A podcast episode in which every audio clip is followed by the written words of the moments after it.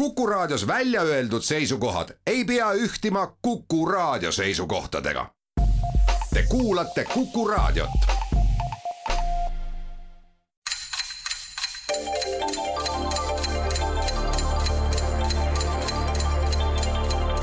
tarkade klubi antiikaja argised tarkused toob teieni Vana-Rooma argielu entsüklopeedia kirjastuselt Avita tere taas, Kuku raadio Tarkade klubi tervitab häid kuulajaid värskelt alanud viinakuu neljateistkümnendal tunnil, kesk nüüd juba punetavat sügist, mis märguandena käivitas ajamid omaaegsetes mõisates, kus siis värsketest viljapeadest välja pekstud nisu leidis tee peenikese joana sinna, kuhu vaja ja väljus mõningast töötlemisprotsessi pärast sealt, kus vaja ja andis ka ühe paralleelnimetustest kaunile oktoobrikuule.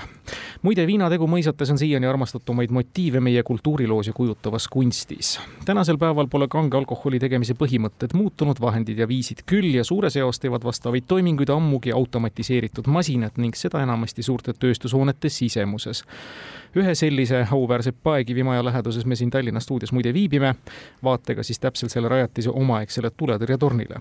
kui viinategu on ajas muutunud, siis subjekti mõju tarvitajale aga mitte ning siinkohal paneme sissejuhatusele punkti, et mitte minna lubamatu populariseerimise teed meil on täna hea meel oktoobri esimeses saates tervitada erudeeritud mälumängusõpru. Tartu stuudios üht teistlaadset ajaviite Nestet tootvat pruulmeistrit ja politoloogi Lauri Eidermanni. tervitused Tartust. ja Lauri paarilisena meie head sõpra, loojat nii tekstide liikumatu kui liikuva pildi vallas ning neil päevil kohe eriti populaarsesse spordikinematograafia valdkonda samuti aktiivset panust andvat Andres Keili. tere Tartust ka minu poolt olgu öeldud, et Andrese võimas panus meie spordidokumentalistikasse on ka praegu aktiivses tootmises. ja Tallinna stuudios on hea meel tervitada omaaegset meistersportlast käsipallis, mälumängumaestrit Jevgeni Nurmlat. tervist! ja Jevgeni paarilisena raudteeinseneri Mati Räli. tere! hea meel, et olete meiega. tänase saate kümme küsimust on kaetud järgmiste teemadega. Slava Ukraini, ajalugu, kultuur, geograafia ja vaaria küsijad on täna, nagu ikka, Kivimäe kooli ajaloo ja ühiskonnaõpetuse õpetaja Margus Pillau, raadiokuulaja Tarmo Niinepuu, Ingliranna patrioot Enno Sivadi ja siinkõneleja Timo Tarve. alustame ja avavaliku õiguse saavad täna Andres ja Lauri ehk Oss Tartust, palun. kultuur. mida võis ka arvata? kultuuri küsimus, esimene neist tulebki kohe Tarmo Niinepult, healt kaasküsijalt. multifilmi karakterid Chip and Dale või meie keeli tõlgituna Tiku ja Taku on ühe versiooni kohaselt loodud kahe kangelase järgi. Tiku on loodud ühe filmikarakteri järgi, kelle filmid ilmusid aastail tuhat üheksasada kaheksakümmend üks, kaheksakümmend neli, kaheksakümmend üheksa ja kaks tuhat kaheksa ja Taku tegelaskuju on väidetavalt loodud ühe tuhande üheksasaja kaheksakümnendast kuni kaheksakümne kaheksanda aastani eetris olnud krimisarja tegelaskuju järgi kelle karakterite ja välimusega on need kaks tegelast sarnased, mõlemad on ka Eestis tuntud. kaheksakümmend üks, kaheksakümmend neli, kaheksakümmend üheksa, kaks tuhat kaheksa kõlab esimese hooga nagu Terminaator. Terminaator on üks hilisem kaheksakümmend üks, kaheksakümmend neli, kuidas meil Rambodega lood on? Rambo oli varasem, kas seitsekümmend kuus oli First Blood äkki? Vietnam jah, ja siis tuli Afganistan, eks. aga samas oot, oot, oot, oot, oot, oot, kaheksakümmend üks, kaheksakümmend neli, see, tead, mis see on hoopis, see on Indiana Jones kaheksakümmend üks äh, Last Crusade äh, ja äh, ei, Riders of the Lost Ark oli kaheksakümmend üks, kaheksakümmend neli Last Crusade, kaheksakümmend üheksa siis see, kus ta oli koos Sean Connoriga ja kaks tuhat kaheksa siis Riders of the Crystal Skull või mis iganes, noh see jah, ma arvan, et see on see, kuigi kaheksakümmend üks tundub nagu nõks vara, aga äkki oli. Rockid tulid uuedeks, see ei saa olla Star Warsid ei saa olla. oota, Rocki, oota, ei, Rocki oli seitsekümmend kuus. sest Rocki oli ju esimene, Rocki oli see läbimurdekas, viiekümne tuhande dollarise eelarvega väike film ja Rambo First Blood kahe, tead, ta on ikkagi Rambo ja Rambo neli oli siis äh, kaheksakümmend seitse või see kaks tuhat kaheksa. olgu, tööversioonina on meil Rambo aga kaheksakümmend, kaheksakümmend kaheksa krimi. oota, kuidas selle teise poole sõnastus oli sul, Timo? jah, Taku on loodud siis ühe tuhande üheksasaja kaheksakümnendast kuni tuhande üheksasaja kaheksakümne kaheksandani eetris olnud krimisarja tegelaskuju järgi. aga äkki see on B.A. Baracus, äkki see on A-Team, et sa küsid siis nüüd filmi ja telesarja või? Jah, just siis meil veel oli no kaks, kaks kangelast, noh, põhimõtteliselt jah. mm. -hmm. Tom vuntsidega mees, eks. oota, kaks kangelast äh, ütles Timo, mis tähendab seda, et Rambo on üks kangelane, aga, aga A-tiim ei ole kuidagi kangelane, see on tiim, eks. Magnum kaheksakümmend, kaheksakümmend kaheksa, Miami Wise samal seal ajal, on kaks seal on kaks, Rocket ja Dobbs, eks mm. -hmm. ei, aga tegelikult küsimuses ei tule välja see, et, et ei, aga Timo lisandus oli mm. -hmm. praegu see, et kaks kangelast, eks. noh, mis on ka loogiline, eks ole, kui nad on nagu tegelased. aga mida see Tiku ja Taku multikas endast kujutab, sellest mul puudub muidugi igasugune ettekujutus. kaks mingit, Tiku ja Taku. Kaks mingit chipmunki ajavad monkey business'it. aa, need on need oravad või? aa, okei, okei. aga ega nad silma ette küll ei tule. okei okay,, no lepime selle kokku, et üks on Rambo. see frantsiis tegelikult tuleb üldse Alvin and the Chipmunks bändist, kusjuures tegelikult see frantsiis müüdi maha, see Tiku ja Taku tegelikult, see on taustalugu on hoopis teine mm., aga sealt ei tule, ma, mõtlesin nagu, et, et sealt ei tule seda kangelast, et oota, aga hea küll, oota, okei okay,, Magnum, Tom Selleck äh,, meil ei ole ju, ju sellise nagu ühe tegelasega krimisarju, mul ei löö ette see äh, see pagana Tony Curtis Raiders. jah, George Raiders, See on varasem. kõvasti, see on seitsmekümnendate keskpaik. seal on kaks tegelast. jah, ma noh äh,, Alarm für Cobra Elf see ka vast ei ole. ja ma eeldan, et tegu on Ameerika no seriaaliga. küllap jah. No aga ärme hoiame kinni, kas ütleme Rambo ja ühesõnaga meie vastus kvalifitseerub, ma võin siin hääldada välja nii palju, kui ma tahan, aga meie vastus kvalifitseerub siis, kui, kui Õss ütleb jah. kas me vastame Rambo ja Magnum? parema puudumisel. Magnum pool punkti, Tallinn saab teise poole, kui ära ütleb. noh, ma see on mõtlesin, et nii ilus arutelu siin oli. kaasa kuulates äh, Magnumi oleks võib-olla ka ise pakkunud, aga sellised äh, filmi, filmisarjad, ma võtaks niisuguse pakkumise, mis ka läbi käis, et äkki, äkki võib tõesti olla äh, Indiana Jones. aga nii ongi, see on Indiana Jones, mis Tartu käest lipsas, kõik oli täpne, ütlesite ära ja ütlesite ka filmi tiitlid nii ilusti ära. vähemasti küsimus läks rõõmsasti pooleks, punkti poole pealt. väga kena. Jevgeni ja Mati, teie valik. geograafia või? jah, võtaks siis ühe geograafia. geograafia küsimus. pärast viie aasta tagust haldusreformi jäi Eestisse alles teadupoolest seitsekümmend üheksa omavalitsusüksust, millest kuuskümmend neli on vallad. kui me nüüd jätame kõrvale saarelise erandi saanud Ruhnu ja Kihnu vallad, siis milline on pindalalt väikseim Eesti vald? pindalaga seitsekümmend kolm koma kolm ruutkilomeetrit paradoksaalselt on küsitav ühe teise geograafilis-statistilise näitajaga Eesti valdadest päris tipus, oota, mis see pindala oli? seitsekümmend kolm koma kolm. kolm koma kolm. sa arvad, pindala on nii väike või? nojah, võib-olla küll. et, et, et Matil on hea mõte. siin noh, ena, enamik äh, KOV-e liideti, lahutati, no seal oli see, oligi see elanike arvu poolest, et vist et, üks, et see on tõenäoliselt jäänud puutumata ja samas on väga suure äh, rahvaarvuga ja välja. tegelikult päris palju, päris palju sellest äh, ruutkilometraažist on ka tegelikult väga olematu asustusega, paku-, ja see oleks, pakuks, pakuks, et Viimsi vald. ja see on Viimsi vald tõesti, elanikke on vallas samas enam kui kakskümmend üks tuhat ja asustustihedus on see, millega ta muide on tipus Eestis, kakssada kaheksakümmend üheksa inimest ruutkilomeetril, aga tõesti suurem jagu sellest on ju asustamata, kui me mõtleme näiteks Naissaare peale.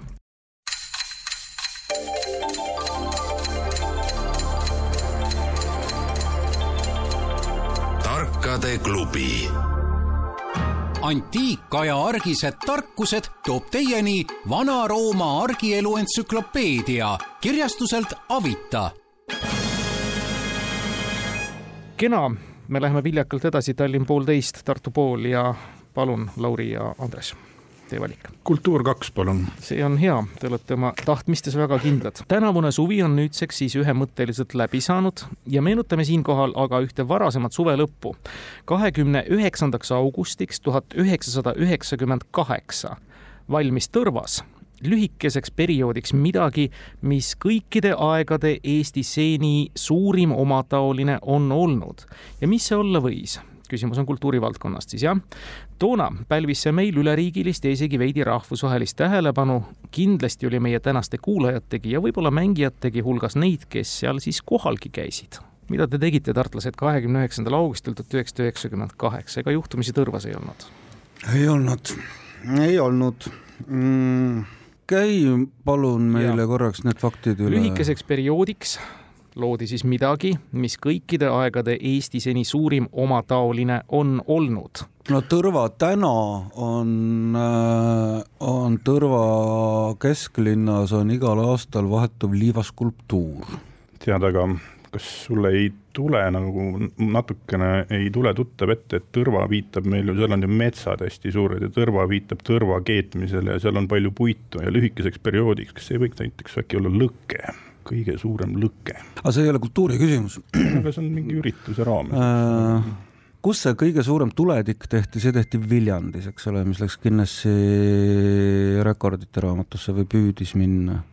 Tõrvat vaadates, mida me teame, sest seal on kaks või kolm järve, väga edumeelne on ta hetkel, eks ta on kogu aeg tegelikult mm -hmm. olnud edasi püüdlikum. kuule, aga kas see mandala ei olnud või? või tehti Otepääl seda? see oli lõunas küll kuskil. jah. Kas üheksakümmend kaheksa võis käia Dalai-laama? aga see oli varem, ma arvan, see oli ta käis 90... kaks korda ta käis üheksakümmend kolm, siis kui oli veel pildis äh, Tuleviku Eesti Erakonna, mis ju ta, Raidal, Raidla Raidal, Raidal. ja Mäll vist organiseeris ja. seda siia, eks. aga ta käis hiljem ka. aga noh, vaata, kui Raide, siis see oli nagu Otepääga hästi seotud, eks ole lühikeseks ajaks Eesti, noh, mandala on iseenesest kultuur, noh. suurim omataoline, vaata mandalaid väga palju tegelikult ei, ei tehta Eestis, et, et öelda, et on suurim Eestis omataoline, et no aga noh, teine asi on see, et, et Tõrvas on praegu iga aasta on seal, kas üle-eelmine aasta oli mingi näkineid, kohe seal selle korda tehtud äh, keskplatsi vastas on seal mingisugune rist, eks ole, ja seal on iga aasta mingisugune liivaskulptuur erinev. et kas ei või olla nii, et, et üheksakümmend kaheksa tehti mingisugune hästi suur liivaskulptuur ja siis sellest on jäänud nüüd mingisugune liivaskulptuuride tegemise traditsioon ma just mõtlen, et äh, noh, see on ka tõesti jälle, see on ajutiselt, et lühikeseks yeah, ajaks, et kaua ta ikka seal püsib, et ähm, mille järgi me veel Tõrvat teame, et, et see on, mis üritused seal on? seal on mingi, mingi, kas seal oli mingi raske muusikaüritus äkki millalgi? Tõrvas oli küll jah, oli, aga see ei lähe üheksakümne kaheksandaga kokku. numbri järgi tundub see ju äsja, aga kui hakata mõtlema, siis sellest on kakskümmend viis aastat, eks ja see oli veel selline periood, kus äh, hirmus palju ei olnud äh, finantsi panna mm. mingisuguste pompöössete ilutulestike alla näiteks, et, et see pidi olema kättesaadavast materjalist midagi. Mm.. et kas rahvatantsijad või oota, ütle mulle veel kord, lühikeseks ajaks, kuidas see täpne sõnastus lühikeseks perioodiks midagi, mis kõigi aegade Eesti seni suurim omataoline on olnud seni suurim lühikeseks perioodiks midagi, mis ja küsimuse sõnastus on valmis tõrvas lühikeseks perioodiks midagi. valmis tõrvas lühikeseks perioodiks midagi. vaata, see noh, see ei saa olla siis see, et, et loeme tead Kalevipoega ette või, või äh, teeme suure nagu äh, äh, harrastusteatri etenduse, kus on äh, seitsesada kuuskümmend tuhat osalejat, eks ta viitab füüsiliselt millelegi. või, või Tead, siis aga, aga kui sul ei tule midagi paremat, sest me kobame pimeduses ja ainukene seos on, noh, mis mul on, on see, oota, aga ma proovin selle sõnastada kuidagi siis, ähm, üheksakümne kaheksanda aasta kahekümne üheksandal augustil meie arvates valmis Tõrvas äh, käepärastest eeldus, eelduslikult ka meie laiuskraadile kohastest looduslikest materjalidest äh, skulptuurne, skulpturaalne vorm, teos. ei saa punktivääriliseks seda lugeda, ehkki nii kaunilt sõnastatud, nagu ikka Andres Keili puhul seda on.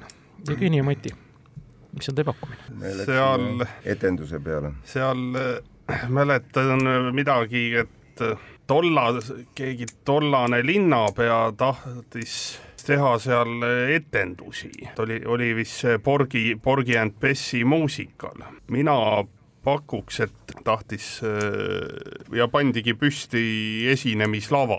see on õige vastus, see on läbi aegade kõige suurem statsionaarne lava või noh, ütleme ajutine lava, kakskümmend viis meetrit lai, viisteist meetrit sügav. tehiolud kõik õiged, see oli George Gershwini mõnes määratluses muusika, oli mõnes määratluses ooperi Porgy ja Bess, kontsertettekandena, suvelavastusena mängimine. ja see ooperilava oli tõesti statsionaarsetest Estonia Vanemuise omadest oluliselt suurem, nagu öeldud, kakskümmend viis meetrit lai ja viisteist meetrit sügav. Aivar Mäe muide oli selle kontserdi produtsent või selle etenduse produtsent. kaks pool punkti Tallinn ja Tartu, pool kultuur on läinud. Jevgeni ja Mati, te saate valida. võtame vahepeal vaari või? no riskime või? nüüd võib. muidugi. võtab ühe, võtab ühe vaaria. ja Varja viib meid siis kauni eesti keele manu. me küsime ühte eesti keeles võõrsõnana käibel olevat mõistet, mille esimene teadaolev kasutamine kolmeteistkümnenda sajandi keskpaigast praeguse Itaalia aladelt teada on.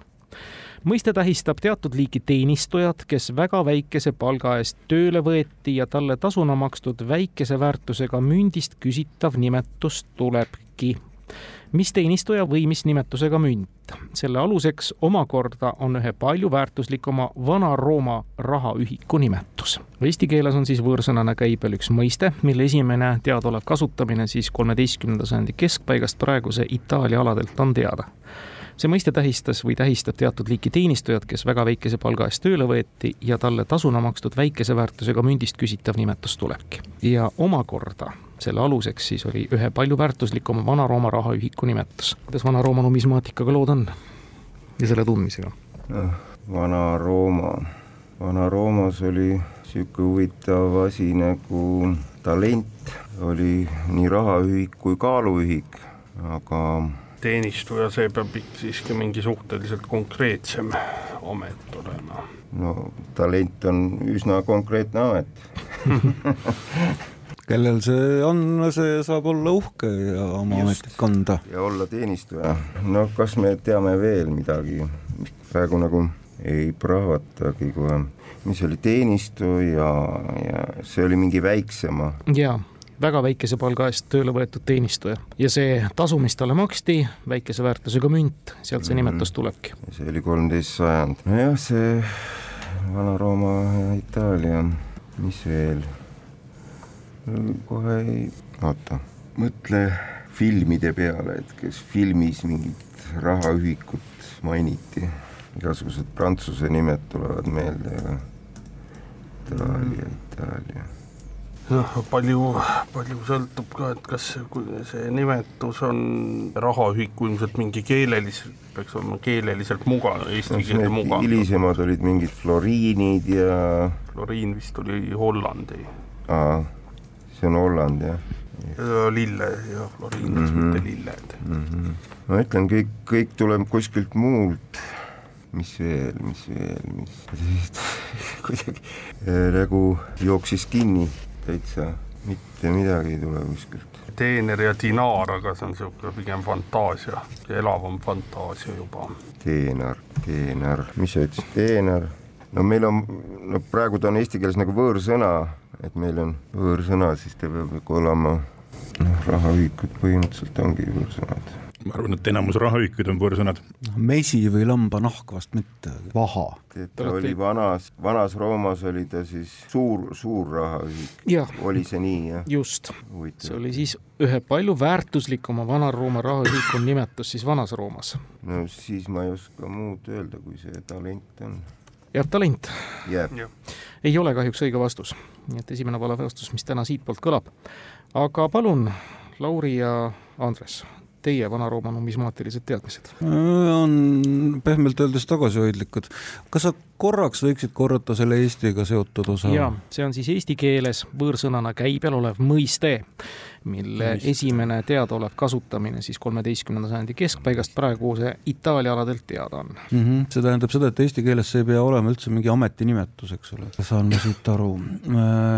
ja noh, mõiste, mõiste viitab laiemalt võib-olla, et noh, see võib olla poliis näiteks, eks, et mm. -hmm. aga politsei, poliis, jah, aga see tähendab midagi muud, siis, tuleb kreekast, et jah, see ei ole, see ei ole sellega poolis on see. mm. -hmm.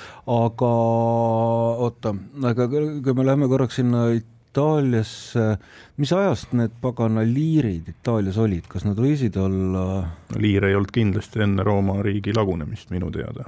nojah, eks ei vaata, ma mõtlen nagu seda, et, et kas Mm, ma proovin nagu seda loogikat minna, et, et mingi kunagine, eks ole, Vana-Rooma suur väärtus võeti kasutusele hilisemal ajal, noh, keskaegses Roomas siis, eks ole, ta tähendus teisenes noh, nagu väikeseks mündiks, saad aru. noh, et, et kui, kui liir oli kunagi, maksis maja, siis kolmeteistkümnendal sajandil, kui, kui mida meilt küsitakse, maksis, eks ole, ma ei tea, pool küünalt jah, vot Roomaga on see lugu, et, et provintsides olid ja, eraldi, eraldi rahad ja, ja. kasutusel, et, et ei saanud eeldada seda, et, et mis on, et kuna riik oli ikkagi tuhandeid kilomeetreid mm. mõlemas suunas, siis tsentraalset rahasüsteemi hallata on ilmvõimatu tegelikult. et olid kohalikud jah, olid kaalu järgi, olid need ära määratud, aga nimetused olid tõesti piirkonniti ikka erinevad aga see, mis sa panid paberile kirja tegelikult esimese mõttena, kuulates Tallinna arutelu, et, see oli isegi võib-olla natuke varem, sest Tallinna arutelu ajas mind segamini, oota, aga mul korraks, mul tuli nagu üks mõte veel, et, et kas nojah, ei noh, Leegion ei saanud kunagi ikkagi nagu mingisugune raha väärtus olla ju, eks ole. No ei ole. noh, legionär, Leegion täna. siis sellega, eks, et Leegion oli, ei rahaga otseselt mitte. aga, aga taaskord ühesõnaga tuleb tunnistada, et vist on, seis on selline, et tuleb visata üks jube kauge niisugune Dontšitši kolmene enda vabaviskejoone juurest ja loota, et äkki tabab rõngast ja me ütleme Virtin. see on päris täpne, aga mitte õige, nii et Dontšitši vise tabab tõesti rõngast sisse ei lähe, nii et punkte ei too. Soldat on see mõista, mida me tahtsime Sol küsida. mündi nimetus oli soldo. Soldo, soldo jah. Itaalia keeles ongi siis lihtsõdur ehk mm. soldat, soldato, ka praeguse Itaalia armee madalaim auaste. Vana-Rooma rahaühik oli muide soliidus, mida niisiis, mis tähendas siis niisiis soliidset summat. jah, Pinocchio lugusid väga õige, tuleb aeg-ajalt meelde tuletada, millega seal maksti. kena, aga Andres Lauri, tee valik no aga võtame siis äh, teise vaaria lootuses, et, et me ei saa sellega neljandat ajalugu sest lähi... muidu võiks võtta ju ajaloo, eks. lähiajaloo saate. aastal kaks tuhat üheksa avati ühes Aafrika jumala poolt hüljatud linnas üks omapärane nii-öelda aktsiatega kauplemise keskus, mis tõi sellesse piirkonda kurikuulsust kui ka ootamatuid rikastumisi. Wall Street Journali hinnangul oli sellega seotud tegevuse käive, käive on pandud küsimuses jutumärkidesse, umbes kaksteist miljardit aastas tänaseks päevaks on see tegevus maha käima hakanud ja selles on ka väikest rolli mänginud Eesti mehed.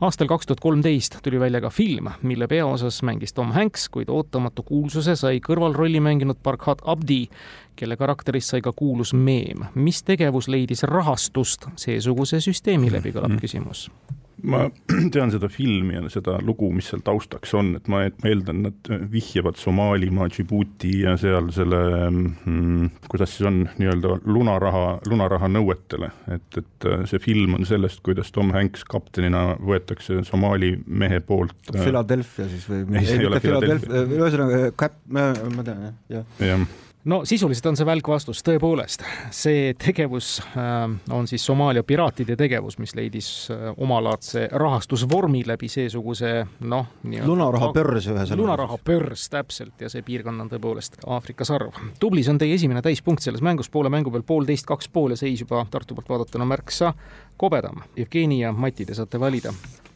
Vaarja on ka läinud nüüd teise geograafia. Teena Sivadi Inglirannast. punase risti rajajaks peetakse Jean-Henri Duranti, kes tuhande kaheksasaja viiekümne üheksandal aastal kogus Solferino sõjaväljal kõik haavatud kokku ja organiseeris nende abistamise. kuna ristimärk oli ja on paljudele islamiusulistele ka vastuvõetamatu, sest meenutas ristisõdade aegu, siis tekitati moslemimaadele punane poolkuu, mille funktsioonid on täpselt samad, mis punasel ristil, ehk siis abistada inimesi üks islamiriik kasutab siiski tänaseni Punase Risti kujundiga embleemi ja ei ole vahetanud risti poolkuu vastu. milline riik ja nüüd geograafiline osa, tegemist on maailma kõige rahvarohkeima islamiriigiga uh,. Indoneesia või? välk vastus okay., sisuliselt kõlas ära juba, see tõepoolest on Indoneesia rahvaarvult siis üldse Hiina, India, USA järel neljas riik maailmas, kus tänavuse aasta alguse seisuga elab kakssada seitsekümmend kuus miljonit inimest, nendest kaheksakümmend kuus koma seitse protsenti ehk kakssada nelikümmend miljonit on moslemid. ja nemadki on siis Punase Risti mitte pool kuu all. kolm pool Tallinn, Tartu poolteist. no seda võis eeldada, et see mäng on üsna viljakas ja vastuseta vist ei jää ükski küsimus, tegelikult üks on praegu jäänud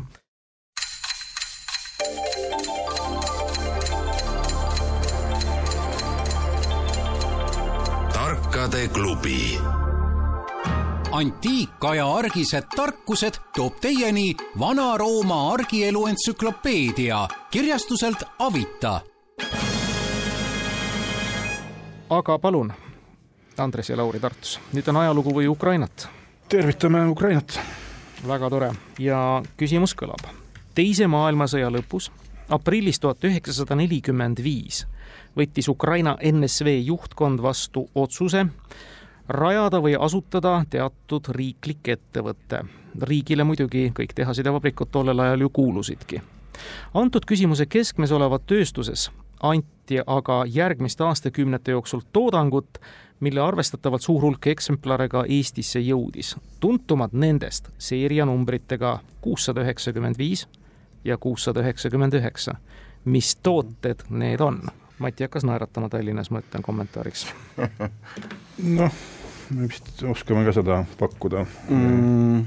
tegu on tegu on Zaporožje autotööstuse, oota, oota, oot, oot, oot, oot, kuus, SAS üheksa kuus viis on see, mitte kuus üheksa viis ja üheksa kuus kuus ja üheksa kuus kaheksa on sapaka numbrid. sapakad on, Muhk on üheksa kuus viis, üheksa kuus viis M, väiksem seebikarp on üheksa kuus kuus, suurem see, uuem seebikarp on üheksa kuus kaheksa. hämmastavad teadmised. hämmastavad. selles mõttes see ei ole sapakas. meie küsime seerianumbrit kuus üheksa viis, kuus üheksa üheksa ja mis tooted?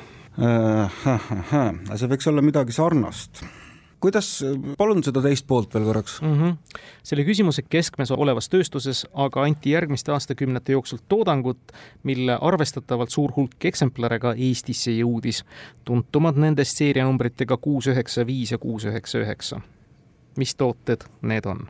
kas mitte mäetööstuse mingisuguseid asju ei tulnud meile Ukrainast? Nad ei küsiks seda Need võivad olla ka, nelikümmend viis algas, eks ole, ja seda ja. ei ole küsimuses öeldud, et millal need meieni jõudsid. Need võivad olla ka mingid raadiod või telekad, mingi Rekord kuus üheksa viis või Rekord kuus üheksa üheksa näiteks. ma ei tea, ma ei mäleta neid numbreid, tõesti ma ei mäleta, aga loogika ütleb seda, et et see võiks olla siis ähm, Slavutitš. Slavutitš. Slavutitšid olid vist värvitelekad. no eks neid telekatootjaid oli ka pinu, eks. nelikümmend viis hakkas Ukrainas telekate tootmine. no noh, raadiotehnika, mingisugune raadiotehnika tehas, eks. ei no need võisid olla ka need, vaata need, äh, need kandilised, äh, see raadio, millel on peas üks ainuke silm vaata need rohelise silmaga, need massitootmise raadiod viiekümnendatest, kuuekümnendatest bakeliidist korpusega. ma ei mäleta, mis nende noh, nii-öelda bränd oli, eks, noh, numbrit ammugi mitte. see, vaata, see peab olema mingi hästi nagu massitarbe jah, jah, jah. uitmõte, me ei saa ju tegelikult panna vahuveinitööstusele mingisuguseid ei, numbreid, eks, et äh, raadiod, telekad äh,. jalgrattad äh,. Neil ei olnud ka numbrit, Desna oli vanem kuskil seitse, oota, aga olid ka meeste jalgrattad, Ukraina olid küll. aga mis nende numbrid olid puudub igasugune aim või kas neil üldse oli mingisuguseid numbreid, aga olid meeste jalgrattad Ukraina. sellele ma vihjasin, jah.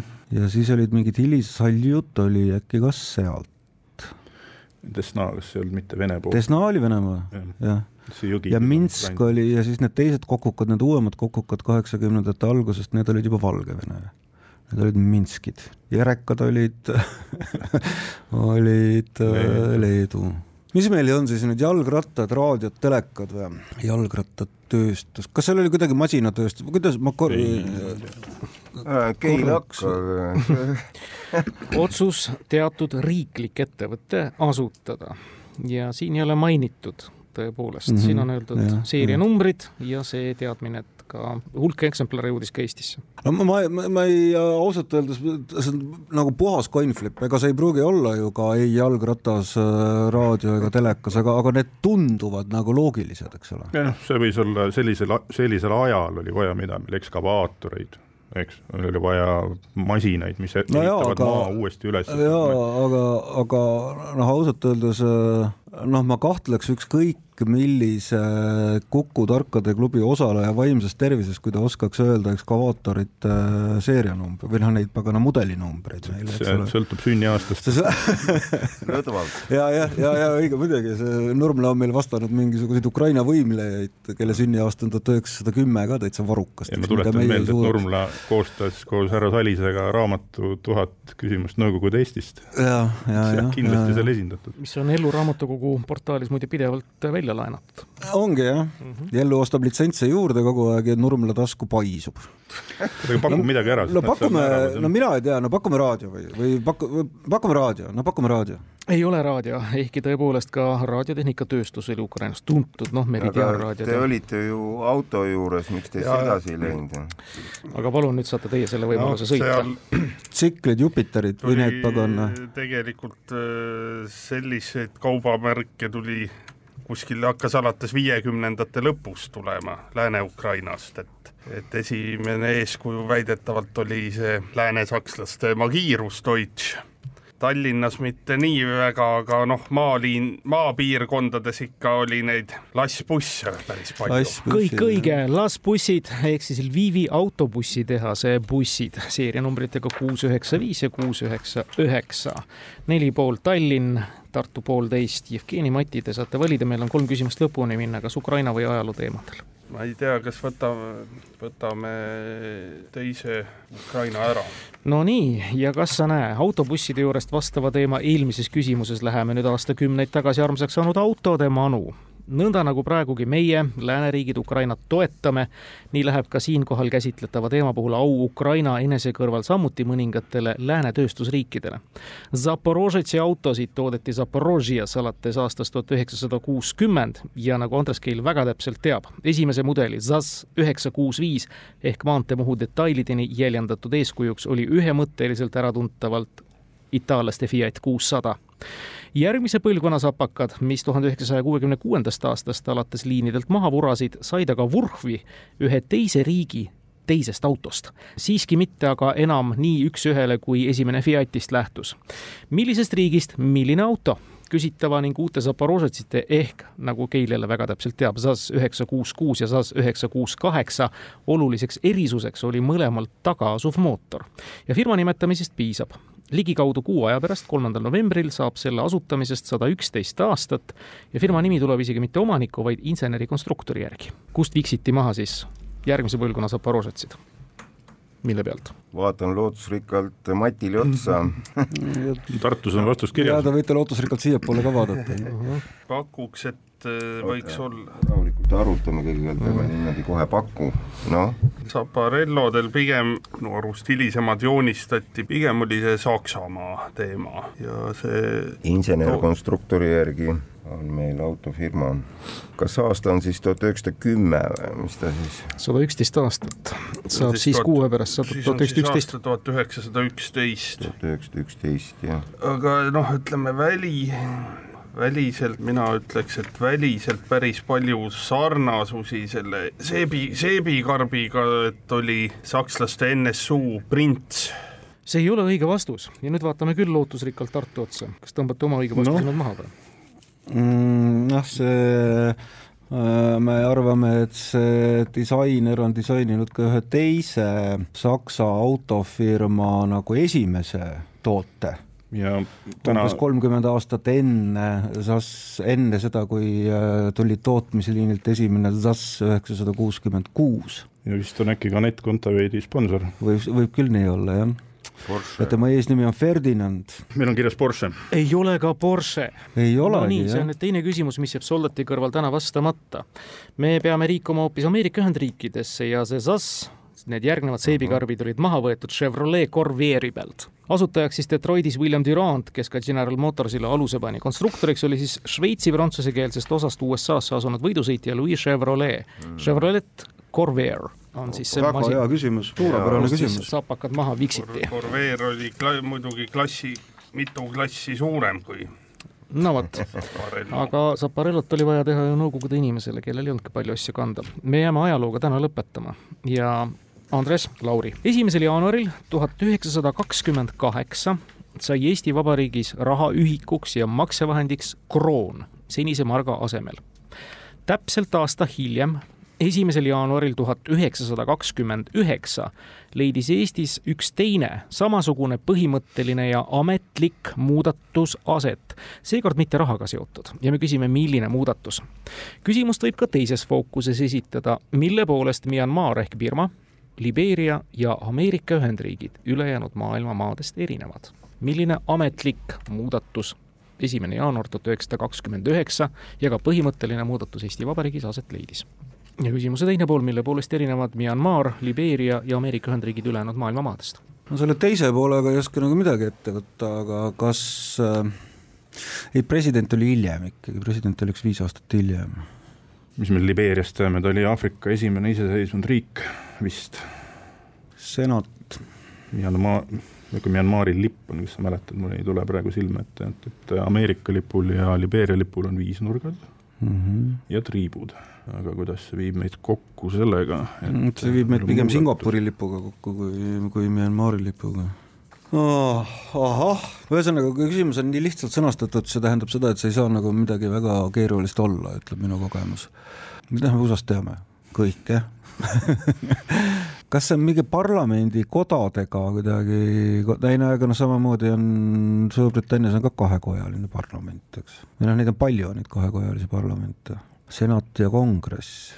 Ei no kas, oota, kas see, kas see nagu riigi valitsemise, ma mõtlen seda, et, et kas see nagu riigi valitsemise vormiga kuidagi ei ole seotud, aga see peaks olema põhiseadusega. jälle, sulle öeldi küsimus ei, ma ei räägi, ma räägin, ma räägin Ossiga, ma räägin Ossi, palun ära saa minust valesti aru. ei, ei, mina saan sinust õigesti aru aga mind, minu politoloogiks kutsumine on il, ilmselgelt ei õigusta ennast. Et ma mõtlen, et, et kas saab olla midagi parteisüsteemiga, et Ameerikas meil on tegelikult kahe, kahe partei, kaheparteisüsteem. Myanmaris meil täna on äh, väga keeruline, et, et seal ikkagi tegelikult sõjaväeline võim äh, ju valitseb, et, et seal, seal ei saa rääkida kaheparteisüsteemist ja, ja Libeeria koha pealt äh, mul hetkel teadmised puuduvad. Ähm, kas meil ei ole olnud ju vasakpoolset liiklust Eestis kunagi, eks mm? -mm. see on selline asi, mida on võimalik kuupäevaga ära määrata. ei, meil ei ole olnud jah, Rootsis määrati see viiekümnendatel kuskil, viiskümmend kolm vist äh.... see ei saa olla seotud ilmselt alkoholikeeluga. see saab olla seotud alkoholikeeluga, see saab olla seotud kuiva seadusega see võib olla seotud, seotud kuivaseadusega. see võib olla seotud Soome kuivaseadusega. mis see siis oli, et USA-s oli meil ka ju kuiv seadus tegelikult ja, umbes samal ajal, eks, et Al Capone tõi vanadest jooke. oota, aga meil ju ei olnud kuiva seadust, eks ole, Soomes oli. Soomes oli. jah, et meil viidi, kuidas algus oli, Eestis jõustus esimene jaanuar kakskümmend üheksa. just. siis ei tohtinud enam alkoholi viia. keelati Soome alkoholi viimine kõik lõpetasid päevapealt seal kaptenite külast piirituse veo. aga no kuidas Soome, nojah, see no ilmselgelt peab olema see kogu riiki muutev sündmuseks, mis ja, tähendab, et, et, et see on A kas poliitiline või B mingi ühiskondlik, et, et oota, aga riigiviin, no ei no viinamonopoli meil ei ole ka kunagi olnud või on või? Mm, ikka on olnud. Läti pats ei olnud, oli monopol või ei olnud või? Kapit-, Kapitalgi käes oli monopol kunagi? no see oli tsaariaeg, eks. aga kas, kas Eesti, aga äkki, kust muidu see riigiviina nagu mõiste tuleb, aga äkki, aga äkki meil tõesti oli nagu süsteem Bulageti või, või, või Alko tüüpi riiklik alkoholimonopol esimesest jaanuarist äh, kakskümmend üheksa. no kuidas see USA-ga hästi kokku läheb, et USA on föderatiivne riik, et no, seal ei ole seda monopoli olnud ja samamoodi on see monopol on ka Norras hetkel ja ma nagu meeleldi unustaks selle küsimuse teise poole, sest et see teeb võimatuks ükskõik mille pakkumise, sest ühesõnaga elus saaks olema... palju asju ära unustada on jah nii, noh, on, on nii, paraku on. laupäeva hommikul selle kõige peale mõelda ei ole ka kõige parem aeg, aga ei, aga no päriselt noh, siin on mingisugune krüptiline seos, mis peab olema, kui mitte otsene, siis väga nagu tabav Myanmar ehk Birma, Libeeria ja USA erinevad teistest maailma riikidest, ookeanist ookeanini, noh, neid on palju. küsimus on, kas tegu on tänaste riikidega või tollaste riikidega, aga seda ka küsimus ei täpsusta. erinevad, ehk siis tänaste mm. -hmm. Mm -hmm. no Libeeria vist asustasid need USA-st vabastatud orjad või oli see nii või?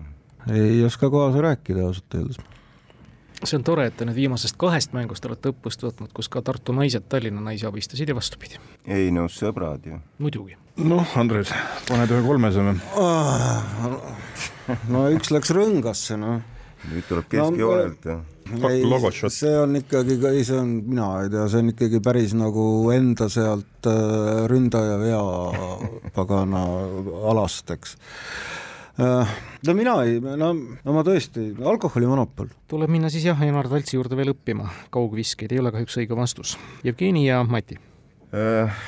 mul on kuskilt meelde jäänud noh, ma muidugi loen vähe, aga et on meelde aga, aga, aga see-eest tõhusalt ja vähemalt on meelde jäänud ma arvan, et see oli äkki, kehtestati siis ametlikult meetermõõdustik. õige, meetermõõdustikule oh. üleminek kehtestati. Ja mainitud kolm riiki muide, nendes ei ole meetermõõdustik ametlikult siiani kohustuslik. suurepärane, Tallinn punkte viis pool, Tartul poolteist, ikkagi väga viljakalt lähme ja meie viimane küsimus kõlab ajaloost, esmalt saavad siis sellele vastata Jevgeni Mati. Eesti kirjamees ja luteri pastor Mattias Johann Eisen pidas veidi enam kui saja aasta eest, teisel juulil tuhat üheksasada kakskümmend kaks ühe kõne, mille konkreetne tagajärg tuleval teisipäeval ehk siis neljandal oktoobril sada aastat tagasi ka realiseerus. seega oli mainitud avalikus ülesastumises teatud üleskutsega tegemist ja me küsime, millise üleskutsega. asi puudutab Eesti geograafiat. palun äh ei, see on vist, äh, jutt oli Nuustakust ja Otepääst, ma arvan, noh, see on, muu. õige, ja see on välkvastusega lõppev mäng.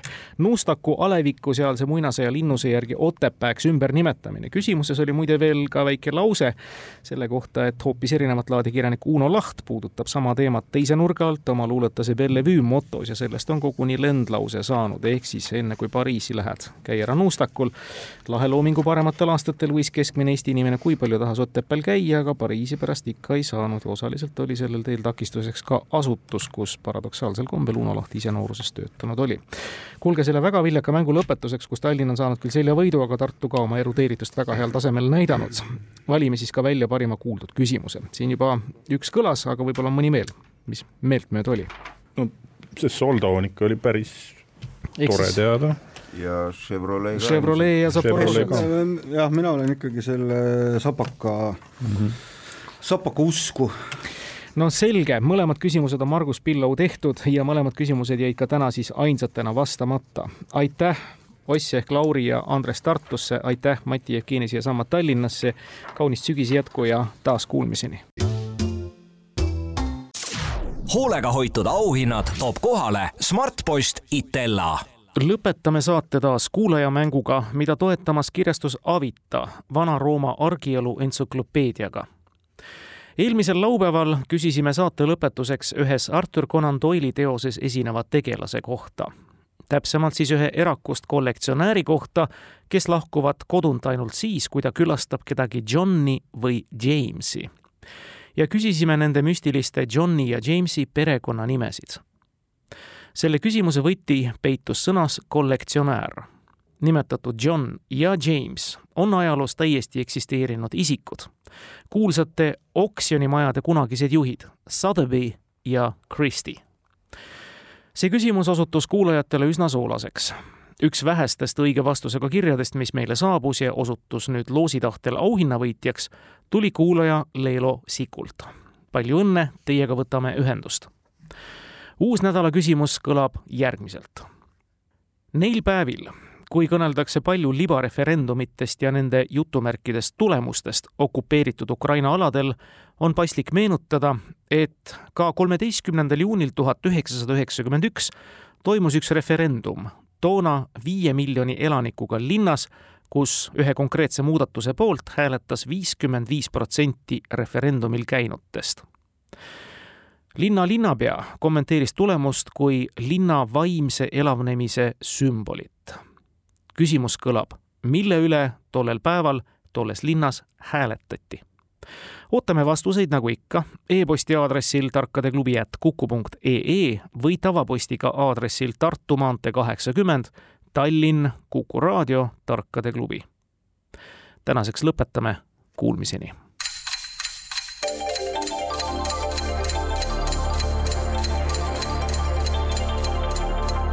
tarkade klubi. Antiikaja argised tarkused toob teieni Vana-Rooma argielu entsüklopeedia kirjastuselt Avita